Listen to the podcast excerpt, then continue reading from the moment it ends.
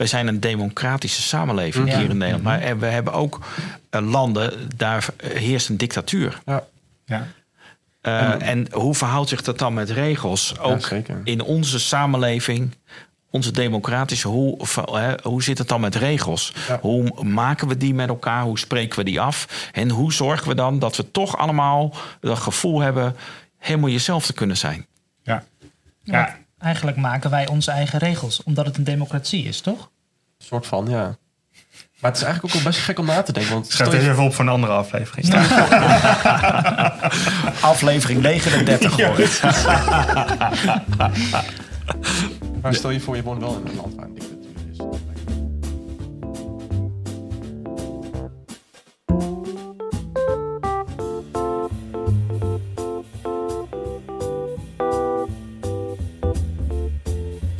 en welkom bij weer een nieuwe aflevering van de Why Podcast. Ik ben jullie vaste host Antoine. Naast mij zit Juri, hoi. En aan het eind van de tafel Florian? en ons speciale gast vanavond. Hans Pleyenveld. Welkom Hans. Wat Dank je. fijn, wat leuk dat je erbij bent. En je bent hier voor een, nou ja, een speciale reden, behalve dat we natuurlijk wel vaker gasten hebben. We gaan eh, eigenlijk vana- vandaag beginnen we met eh, een bijzonder drieluik eh, van afleveringen. Want eh, de komende aflevering staan een thema van Florian. Eh, vrede en vrijheid. Inderdaad. En eh, terwijl we eigenlijk een beetje opmarcheren naar 4 en 5 mei. En ook naar de generatieontmoeting eh, die we gaan organiseren. 14 april. 14 april, zet in je agenda. Inderdaad. Ehm, ja, gaan we eigenlijk dit, dit speciale drieluik doen. En nou, toen we er eigenlijk een beetje over aan nadenken, waren ik rond opeens het idee, laten we daar Hans voor vragen. Want Hans, wat, wat doe jij hier? Waarom denk je dat je hier zit? Nou ja, ik ben uitvaartverzorger van beroep. Eh, in die zin in een eh, speciale tak van sport, zoals ik dat zeg. Eh, namelijk de bijzondere uitvaarten. En daar maak ik ook veel uitvaarten mee vanuit Defensie. Uitvaarten met militaire eer van veteranen. Mensen die ooit ook voor vrijheid hebben gestreden. En daarnaast werk ik ook op het ereveld in Loenen. En daar liggen alle oorlogsslachtoffers na de meidagen van de Tweede Wereldoorlog. En latere missies begraven. Ik denk niet dat iedereen eh, die, die kijkt eh, weet wat dat is. Is daar nog iets meer over te vertellen over dat ereveld? Ja, het Ereveld, daar eh, liggen bijna 4000 graven. En dat zijn allemaal slachtoffers eh, vanuit oorlogsomstandigheden. Eh, de meest bekende, dat de grootste groep, dat zijn de slachtoffers eh, vanuit de Tweede Wereldoorlog. Maar ook in latere missies, hè, ook recente missies, nog Afghanistan bijvoorbeeld. En daar liggen onze dierbare militairen begraven. Wauw. En dat kunnen dus zowel militairen zijn, maar ook burgers. En er liggen ook zelfs enkele Joodse slachtoffers. Wauw. Bijzonder. Ja, dat is altijd stilmakend. Ja. Zeker. Iedere keer als je daar loopt eh, in de bossen.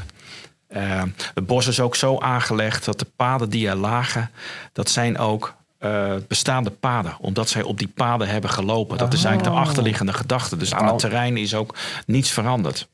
Oké. Dat is echt intact gelaten nu. Ja, Ja.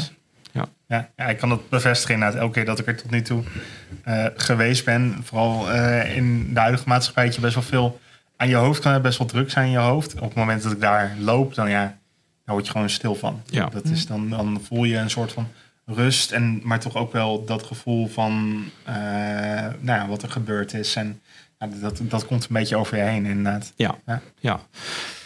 Juri, je hebt een mooie quote Ik heb uitgekozen. een mooie quote uitgekozen. Ik kon eigenlijk niet echt kiezen, maar ik, ik kies dan toch voor... eh, vrijheid bestaat in erkennen van grenzen. Gezegd door Krishnamurti. Vertaal de quote. Ik ja. hoop- hij is vertaald inderdaad. Ik weet niet hoe, wat Ja. voor taal die vertaald is. Ja, maar ik vond het, die andere, de vierde, vond ik ook mooi. Vrijheid is de wil om verantwoordelijkheid te zijn voor onszelf. Maar ja, ehm, ik heb gekozen voor de derde, omdat, eh, ja, weet je, ik moet mijn grenzen erkennen, maar iemand anders moet ook zijn grenzen erkennen met vrijheid. Het is een beetje een wisselwerking inderdaad. Hoe die zo, nu zo gezegd het is, vind ik een beetje dat hij dan, dat je tot jezelf dat moet betrekken of zo. Zeg maar, ik moet daar actief mee bezig zijn. Mhm. Maar een ander, om vrijheid zeg maar, een beetje te kunnen bereiken, moet de ander dat ook doen, zeg maar. Anders Ja. kom je ook nergens. Wat ik wel heel interessant vind aan deze quotes, is dat je ook op het moment dat je, nou, stel even ter voorbeeld, conflict in Oekraïne, dat op het moment dat je dus de oorlog verklaart aan een ander, dat je letterlijk en figuurlijk dus over die grenzen Ja. eh, heen gaat eigenlijk. Ja, En, eh, en grens is ook zo'n mooi woord, omdat je er heel erg mee kan spelen met wat de definitie daarvan is. En op persoonlijk niveau en natuurlijk op, op nou, ja, internationaal en van alles. Dat ze Ja. heel erg over de grenzen gaan, ja. en dan heb je het inderdaad over, over vrede. Die wordt doorbroken zodra je over grenzen gaat. Ehm, volgens mij is het onderwerp van de aflevering nu is vrij zijn. Ja, inderdaad. En ik vind het zo leuk in deze quote dat er zo'n eh, zo'n ironie in zit. Dat Ja, vrijheid bestaat in het erkennen van grenzen. Ja. Terwijl grenzen is taalkundig bijna de tegenstelling van vrijheid, toch? Ja, Ja, ik vind hem ook heel uitdagend, deze quote. Omdat vrijheid kan in mijn ogen niet bestaan zonder grenzen. Ook in je dagelijks leven. Eh, je kunt je vrij voelen, maar we hebben wel te maken met een wetgeving. We hebben te maken met fatsoensnormen. Eh, we hebben te maken met andere normen en waarden. We hebben met andere mensen te maken. En de kunst is om daar binnen te blijven en je toch vrij te voelen. ja. Maar, dat, dat- ja, maar nou laat je het klinken als een uitdaging. Ja. Je, je moet daar binnen blijven en dan is de uitdaging om je toch vrij te voelen. Dan gaan die grens toch tegen de vrijheid in. Nou, ik denk juist dat dat duidelijkheid schept. Eh, door eh, dat je weet dat je niet alles kunt zeggen, niet alles kunt doen. Eh, eh, maakt dat dat je sterker in je kracht komt te staan. En geldt het voor jou ook op een persoonlijk niveau dan? Dus door het duidelijk stellen van jouw grenzen, ook naar, naar de wereld om je heen, zeg maar. Het versterkt dat jouw vrijheid? Zeker, ja. Kijk, eh, dus misschien een heel simpel voorbeeld, maar we hebben de tijd van corona gehad. Daar konden we elkaar geen handen schudden. En als je nu nog in deze tijd kijkt, bijvoorbeeld, zijn er altijd nog situaties eh, waarin het niet mogelijk, of tenminste waarin mensen liever even geen hand nog schudden hè, of een box geven. En juist dat maakt het uitdagend door dat af te tasten eh, en uiteindelijk ook met elkaar te levelen. Ja, Ik voel dat niet als beperking van vrijheid, maar juist door attent daarop te zijn, maakt het je bewuster. Dus je komt meer in je kracht te staan. Heb je zeker een punt, ja. Ik vind het inderdaad gaaf dat ook nu nog mensen gewoon aangeven... Ik, handen schudden doe ik niet meer bijvoorbeeld. Nee. Als ze dat Ja. gewoon aangeven, ja, daar kan ik echt respect voor hebben. Ik ben best wel snel weer Ja. teruggegaan naar het gewoon handen schudden. Maar iedereen die zegt, nee, ik doe een box of een elleboog, prima. Ja, exact. En die geven dus in die zin eigenlijk hun eigen grens aan. Ja, precies. En als ik En- daar dan overheen ga, dan kunnen zij niet echt meer vrij zijn. nee. In dat geval dan, zeg Nee. maar. Ja. En Ja, daar zit ook het respecteren van elkaars grenzen in. Precies. Ja.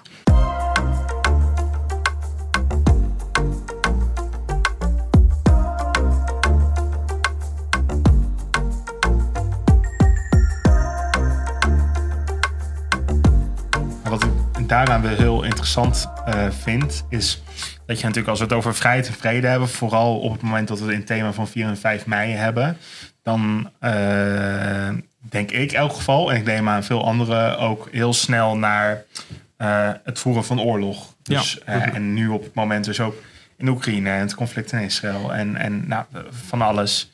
Ehm, maar daarin vind ik weer jouw voorbeeld van wat je zegt van corona, vind ik heel erg krachtig. Want corona was natuurlijk een periode dat zoveel dingen waarvan we gewend waren, dat het vanzelfsprekend was. Dus gewoon naar de winkel kunnen gaan op ieder moment. Ja. Mensen een hand geven of een knuffel geven. Geen avondklok. Eh, naar school kunnen, s- s'avonds buiten kunnen zijn, handen met je vrienden. Ja. Eh, opeens allemaal dingen die zeiden, ja, eh, nee, het, het kan niet meer. Je bent niet meer vrij om dit te doen.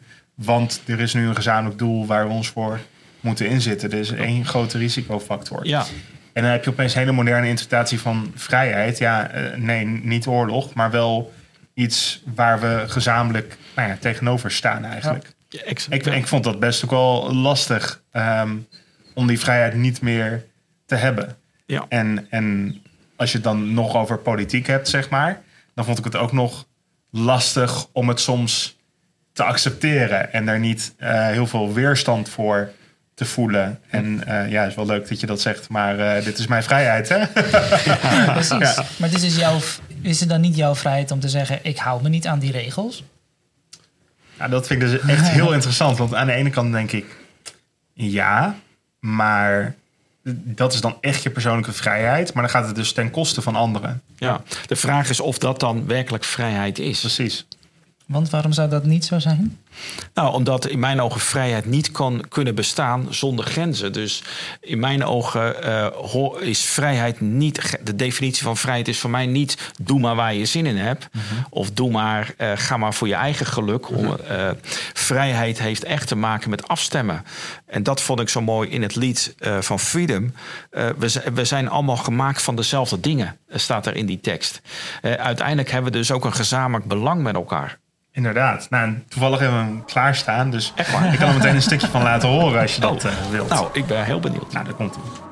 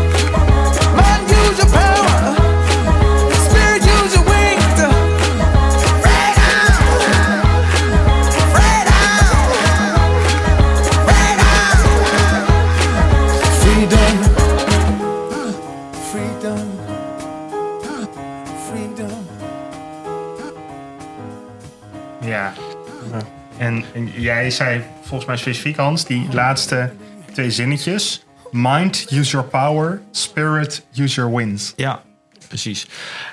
Ik vond het eh, misschien wel leuk om te vertellen. Dit is, zou nou niet echt direct mijn muziekkeuze zijn. Eh, ik hou meer van klassieke muziek.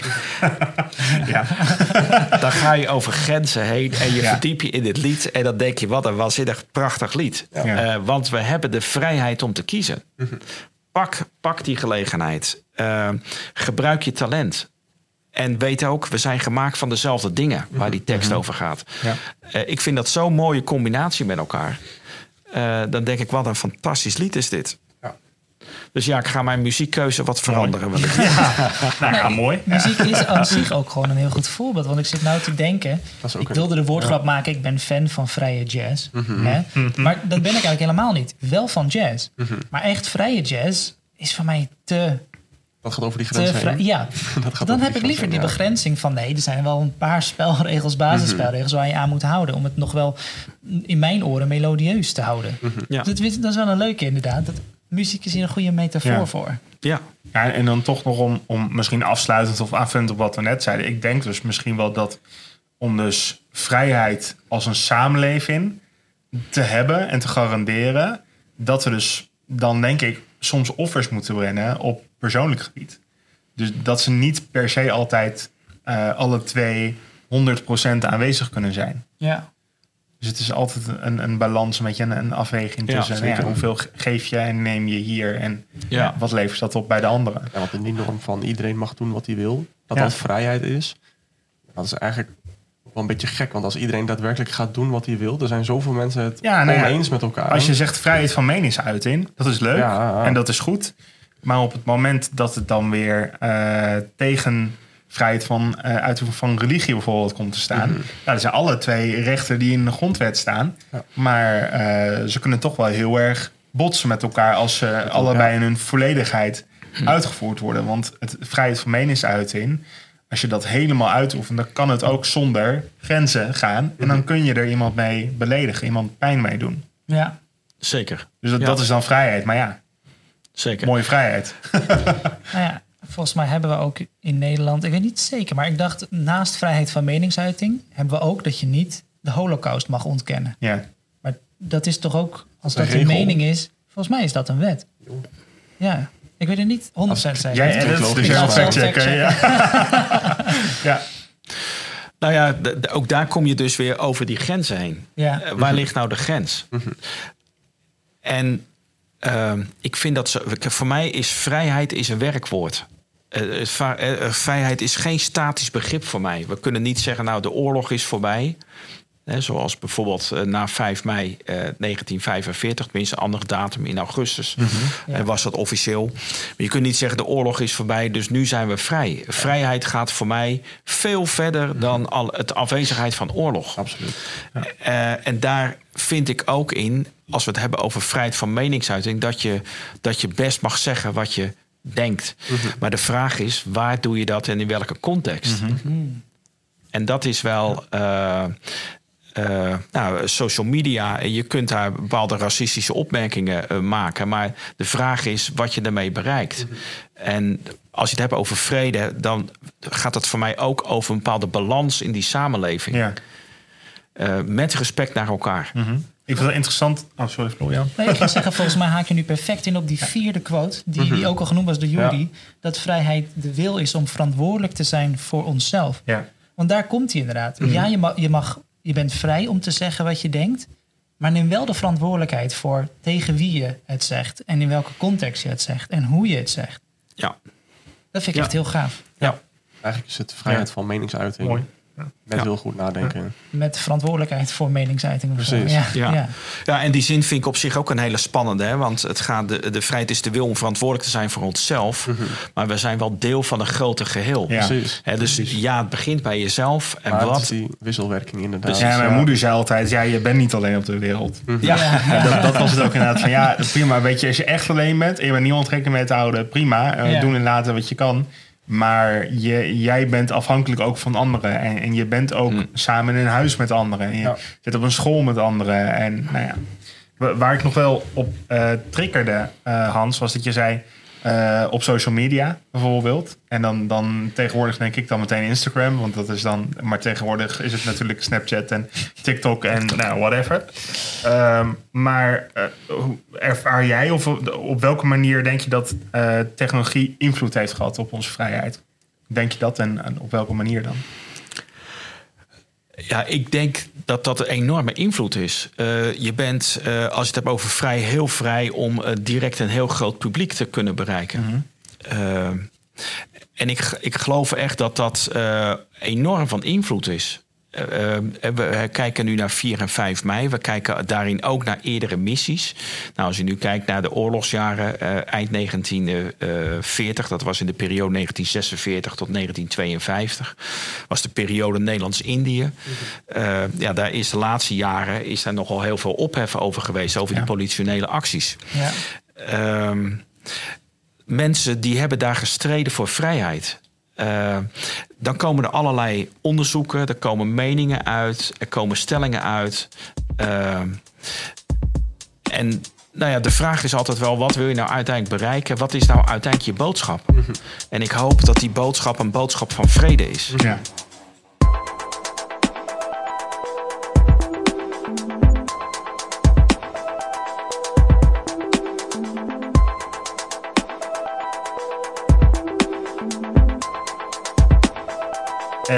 Hoe, ehm, en dit is misschien een beetje een flauwe vraag hoor, maar ik heb hem hier wel opgeschreven.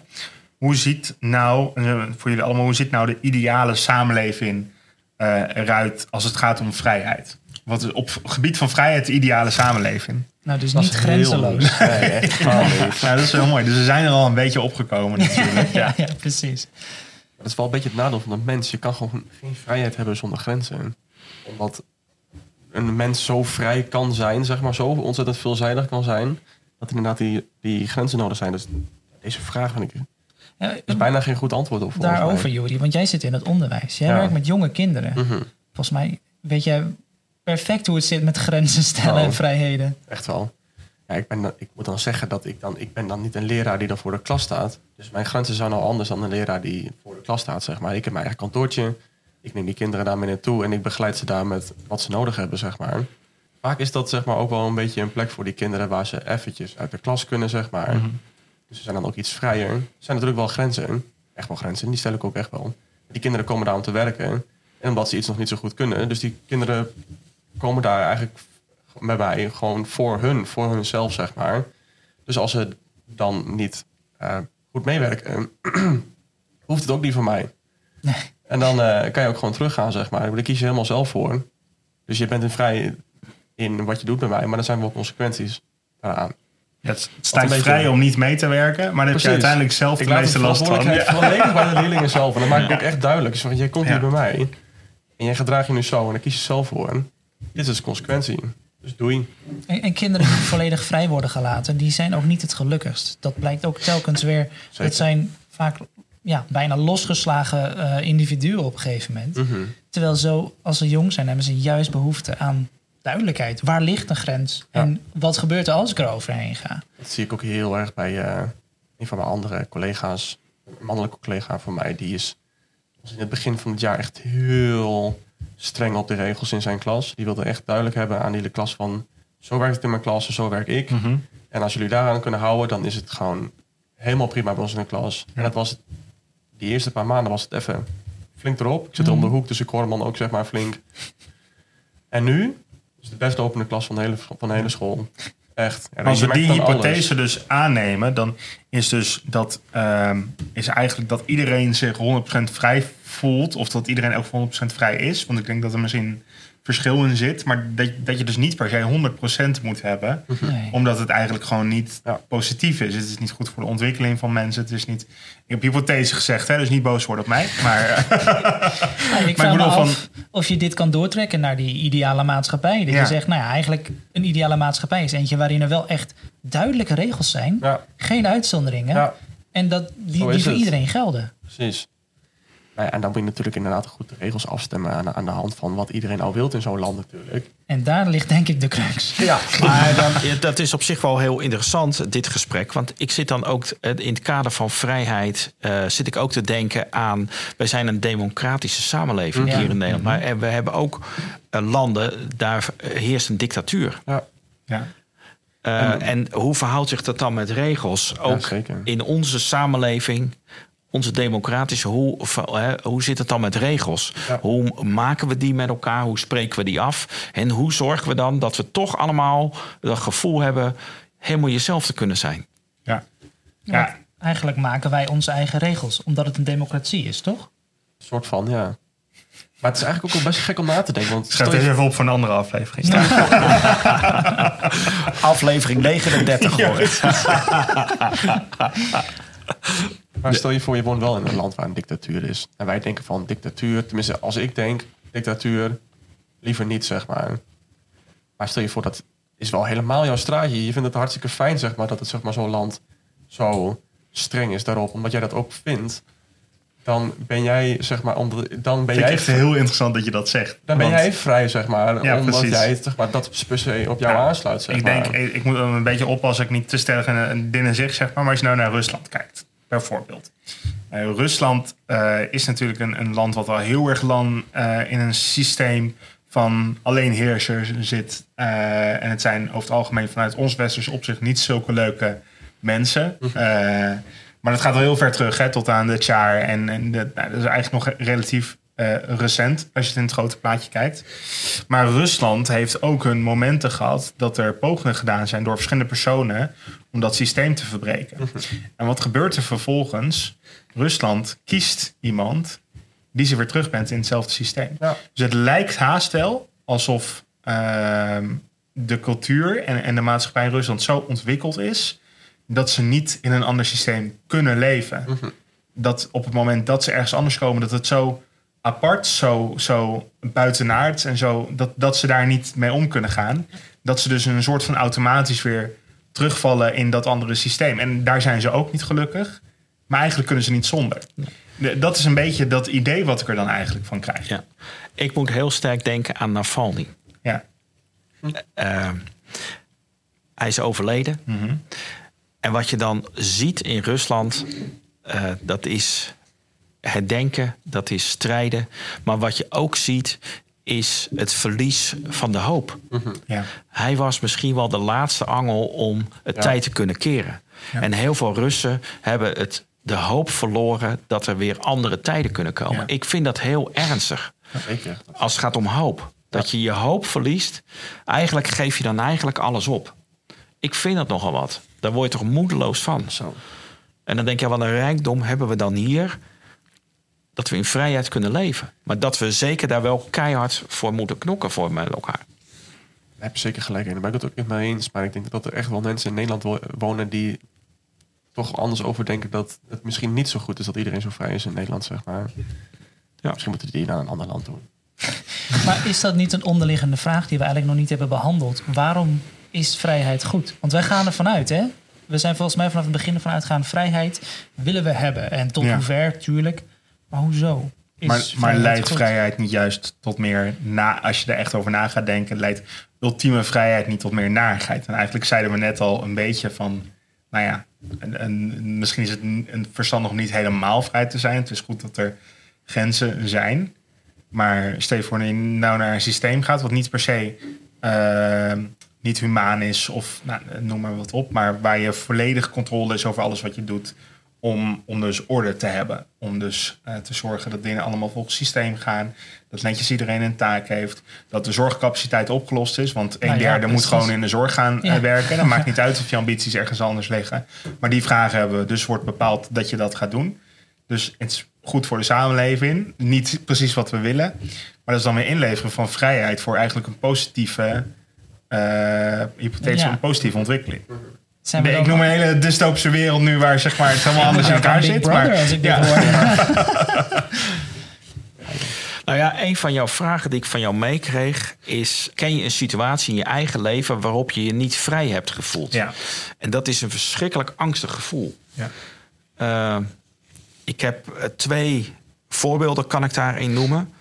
Eh, de eerste heel kort. Tijdens de Afghanistan-oorlog eh, zou ik op een gegeven moment een periode naar Kabul gaan.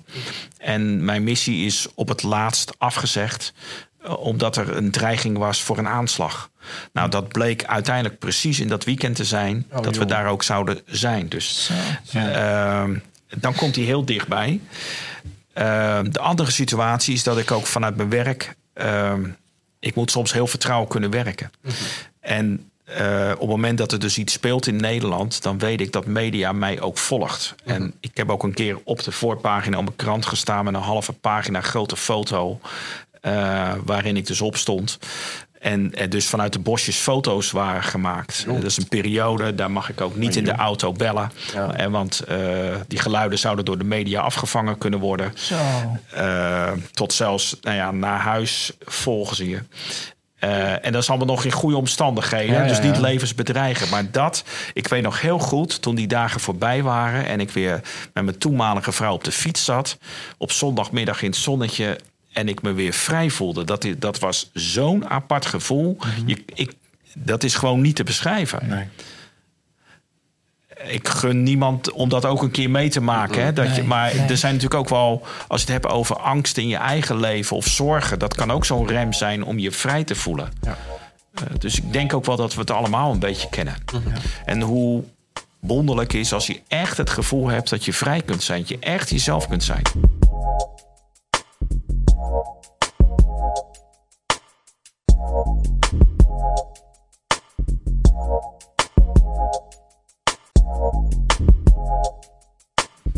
En, en deze sluit eigenlijk ook weer aan op de laatste vraag die ik hier op het plaatje heb staan. In welke mate moeten we bereid zijn om vrijheden op te geven voor veiligheid en gezondheid? Ja, weet je waar ik aan dacht?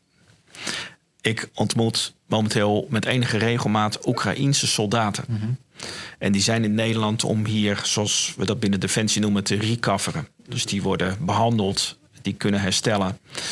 Die missen een arm, die missen een been of wat dan ook. eh, of andere zaken. Maar ze moeten dus herstellen.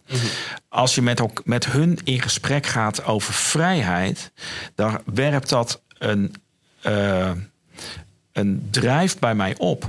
Want als ik aan hen vraag: ga je straks weer terug naar het front? Dan zeggen ze allemaal ja. Ja. En dan denk ik: je hebt maar één been. Ja. Ja. Hoe dan? Maar ze zijn zo gemotiveerd om voor vrijheid te gaan. En misschien gaan hun dat niet meer meemaken. Maar ze zeggen, ja, wel mijn vrouw, mijn kinderen of mijn, mijn kleinkinderen. Ja. En wij willen graag dat Oekraïne een vrij land wordt. Alles geef je dus op als je het dus hebt over veiligheid en gezondheid voor vrijheid. Dat is nogal een offer. ik, ik denk ook dat, en, en dat is natuurlijk met heel veel andere dingen ook zo, maar ik denk dat het ook echt een textboekvoorbeeld is van ja, je, je snapt sommige dingen niet totdat je het persoonlijk ervaren Ja. hebt. Ja, Want ik denk dat je pas op het moment dat je echt ervaren, en dat was voor mij was een andere situatie, maar met corona was voor mij een heel goed voorbeeld. Op het moment dat je het echt ervaren hebt, dat je pas door hebt van verrek, dit heb ik heel hoog in het zadel. En het is echt kut dat ik dit nu minder heb, zeg maar. ja. En helemaal voor die mensen die hun huis verliezen en, en nou ja, eigenlijk alles. eh, dat je op dat moment realiseert van ja, dit, dit is echt, dit kan echt niet. Dit Nee. is zo belangrijk voor mij. ja. En ja, dan heb ik maar één minder been. eh, even heel eh, plat gezegd. Maar ja, Ja, er zijn zoveel vrijheden waar we ons niet alle dagen van bewust zijn, Nee. maar die we wel hebben inderdaad. maar je kunt het bijna niet beseffen. Want, je, je, Nee. je, want ik hoor dan zo'n verhaal van je. En denk ik van ja, één, ik vind het bewonderenswaardig. En twee, ik snap het ook nog wel. Maar ik kan, me niet, ik kan het niet voor mezelf, empathisch, kan ik het niet, niet Nee. interpreteren. Ik kan me niet voorstellen dat ik zo'n emotie heb, zo'n gevoel. Dat ik denk van, eh, nou ja, eh, laat maar zitten. Maar dat is echt uiterst belangrijk. Maar ik denk dat, ja, dat ik dat, dat gemis gewoon niet echt op dat niveau niet ken. Nee. Nee, Nee. Nou, ik had het nog op de heenweg hierheen. Dat, eh, in Amsterdam, vlakbij het station, was een schoonmaker. En dat was een man van nou, een donkerder huidskleur dan ik heb. Ehm, en ik dacht ook weer opeens van... typisch dat dat dan weer een schoonmaker is hier in Nederland. Ehm, omdat, dacht ik, die mensen krijgen waarschijnlijk... als ze niet hier zijn geboren, veel minder kansen. Toen bedacht ik me, ja, ik heb gewoon die vrijheid... om hier in Nederland de studie te gaan doen die ik wil. Ja. Het huis te gaan kopen dat ik kan betalen en wil. Eh, om te gaan en staan waar ik wil. En ik ben helemaal niet beperkt eigenlijk op wat voor manier dan ook. Ja, alleen met geld, zeg maar. Maar goed, Ja. dat heeft verder iedereen. Maar dat is heel bijzonder. Want niet iedereen heeft dat. Die vrijheid om te gaan doen wat je wilt. Zo. Om te worden wat je wilt. En waar ligt de, de lat dus? Hè? Dat het voor ons. En want dan gaat het ook over privilege natuurlijk. Zeker. En dan ligt dus de lat voor ons. Waarom we denk ik daar zo vaak over denken, is dat de lat dus voor ons blijkbaar bij oorlog of echt bij, bij, bij dood en, en et cetera ligt. Omdat we die andere, die spectrums niet zo goed kennen eigenlijk. Nee, precies. Dus vraagt het zoiets heftigs als wat er in Oekraïne gebeurt. Of, Ja. eh, nou ja. ja, eigenlijk zouden we al dagelijks in het hele land de straten moeten gaan... om te juichen dat we in een democratie leven die nog functioneert. ja. Toch? Nou ja, toch is het wel een vraag om daar eens goed over na te denken. Want Ja. ik begrijp dat heel goed. Ehm, er zijn ook eh, berichten gekomen, ook nog heel recent, hè, dat we als eh, Europa ons voor moeten bereiden dat we ook binnen zes tot acht jaar ook met oorlogsomstandigheden te maken gaan krijgen. Ja. Ehm, dan is het wel goed Die 2% die op land. Ja, dan is het wel Ja. gewoon goed om daarover na te ja, denken. Precies. En dat is, een, dat, is een, eh, ja, dat is niet voor te stellen. Ik kan dat me ook niet voorstellen. Ja. Ik kan me niet voorstellen dat er in ons land eh, of Ja. in Europa. Ja, ook niet. Totaal niet. Het is niet. Nee, Ik wil er eigenlijk niet eens voor kunnen voorstellen. nee, nee. Maar ik denk ook wel, misschien dan wat kleiner. Maar ik denk, stel dat ik loop met mijn kinderen, met mijn kleinkinderen. en er wordt ons iets aangedaan. Ja, zo. dan weet ik niet of vrijheid voorop staat in het kader van veiligheid en gezondheid. Ja. Ja. Dan doe ik toch alles voor ons behoud. Ja. Maar eigenlijk is het ook wel logisch dat we daar niet bij stil kunnen staan. Nee. En eigenlijk ook wel goed dat we daar niet bij stil Exact, kunnen staan. Ja. We hebben de vrijheid Want- om er niet bij stil te hoeven staan. We, dat, het speelt gewoon zo erg niet in ons hoofd, omdat we zo vrij zijn. Ja. Dus eigenlijk is dat wel inderdaad wel een goed iets. Maar aan de andere kant, misschien moeten we wel even meer Mhm. dankbaarheid tonen voor ons vrij zijn. Hans, omwille van de tijd, als ik jou nou vraag om, om een beetje een, een afsluitende zin uit ons gesprek vanavond te halen, een vraag of een, een advies of een, een zin die jou aanspreekt, hoe zou je dit dan willen samenkoppelen? Nou, ik, als ik het heb over samenvatten, dan is vrijheid voor mij een werkwoord. Is meer dan het, eh, het eh, afwezigheid van oorlog. Vrij zijn heeft voor mij echt te maken, durf ik mezelf te zijn. Als je dat hebt, eh, dan heb je, kom je echt in een gevoel wat jou overstijgt. En als je dat toevoegt met jouw talenten, dan ben je gewoon een heel waardevol mens. Ja. Eh, ik, geloof, ik geloof echt dat dat bijdraagt aan geluk. Ja. Voor jezelf, voor je omgeving, maar ook voor de wereld. Maar die wereld kan ik niet beïnvloeden. Ik heb geen invloed op de wereldvrede, maar ik heb wel invloed op de plek waar ik ben. En die wil ik maximaal benutten. Dus ja, het is een keuze die ik elk moment van de dag weer maak om vrij eh, te kunnen zijn. Ja. Eh, en dan denk ik dus ook aan werk aan verdraagzaamheid, werk aan respect, eh, werk aan liefde. Om dat in jouw omgeving een beetje te brengen. Zeker. Ja. en ook nog met een beetje humor. Als je, Ja, Ja, precies. Hè, want dat is, eh, ja, we moeten ook plezier hebben in het leven. dat. Sluit mooi aan, denk ik, op Ja. de volgende aflevering. Absoluut. Over Zeker. diegenen die ons daarin zijn volgegaan. Inderdaad. En eh, nou ja, de, de- daarmee eh, wil ik me ook afsluiten. Ik wil nog wel, Juri, even aan jou vragen om de luisteraarsvraag eh, van vandaag te stellen. En dat is, wat betekent vrijheid voor jou in het dagelijks leven? Inderdaad. Dus laat, nou ja, laat het ons weten. inderdaad. En je kunt eh, op Spotify kun je direct bij de aflevering reageren. Eh, je bent natuurlijk altijd vrij om ons te bereiken op onze socials. En eh, nou ja, eh, dit, dit was eigenlijk dit was het eerste deel van een drieluik over eh, vrede en vrijheid. En eh, ter voorbereiding van de generatieontmoeting op 14 eh, april, als ik goed zeg. Ja. En eh, ik weet zeker dat Florian daar een mooi kaartje eh, onder gaat zetten. Wees welkom. Eh, het wordt een fantastische dag. Een, een, een dag vol inspiratie, dat weet ik zeker. En eh, nou, daarbij wil ik jullie graag bedanken voor jullie aanwezigheid vandaag. Graag gedaan. Het is leuk En, om hier eh, te zijn. Dankjewel. En eh, tot de volgende. Tot de volgende. Doei. Doeg!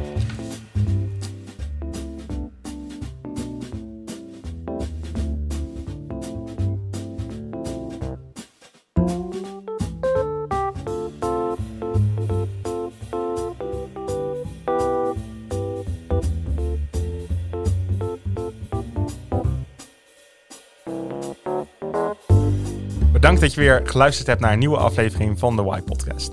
Wist dat je ons ook op onze socials kunt vinden, namelijk op Instagram en op TikTok. Op TikTok kun je allerlei leuke filmpjes vinden achter de schermen van onze gesprekken en wat daar omheen gebeurt. Je kunt ons vinden op Y Podcast, kleine letters aan elkaar. Je kunt ons ook mailen als je persoonlijk met ons in contact wil komen. Dat kan via contact@ypodcast.nl. Leuk dat je er was en hopelijk tot de volgende keer.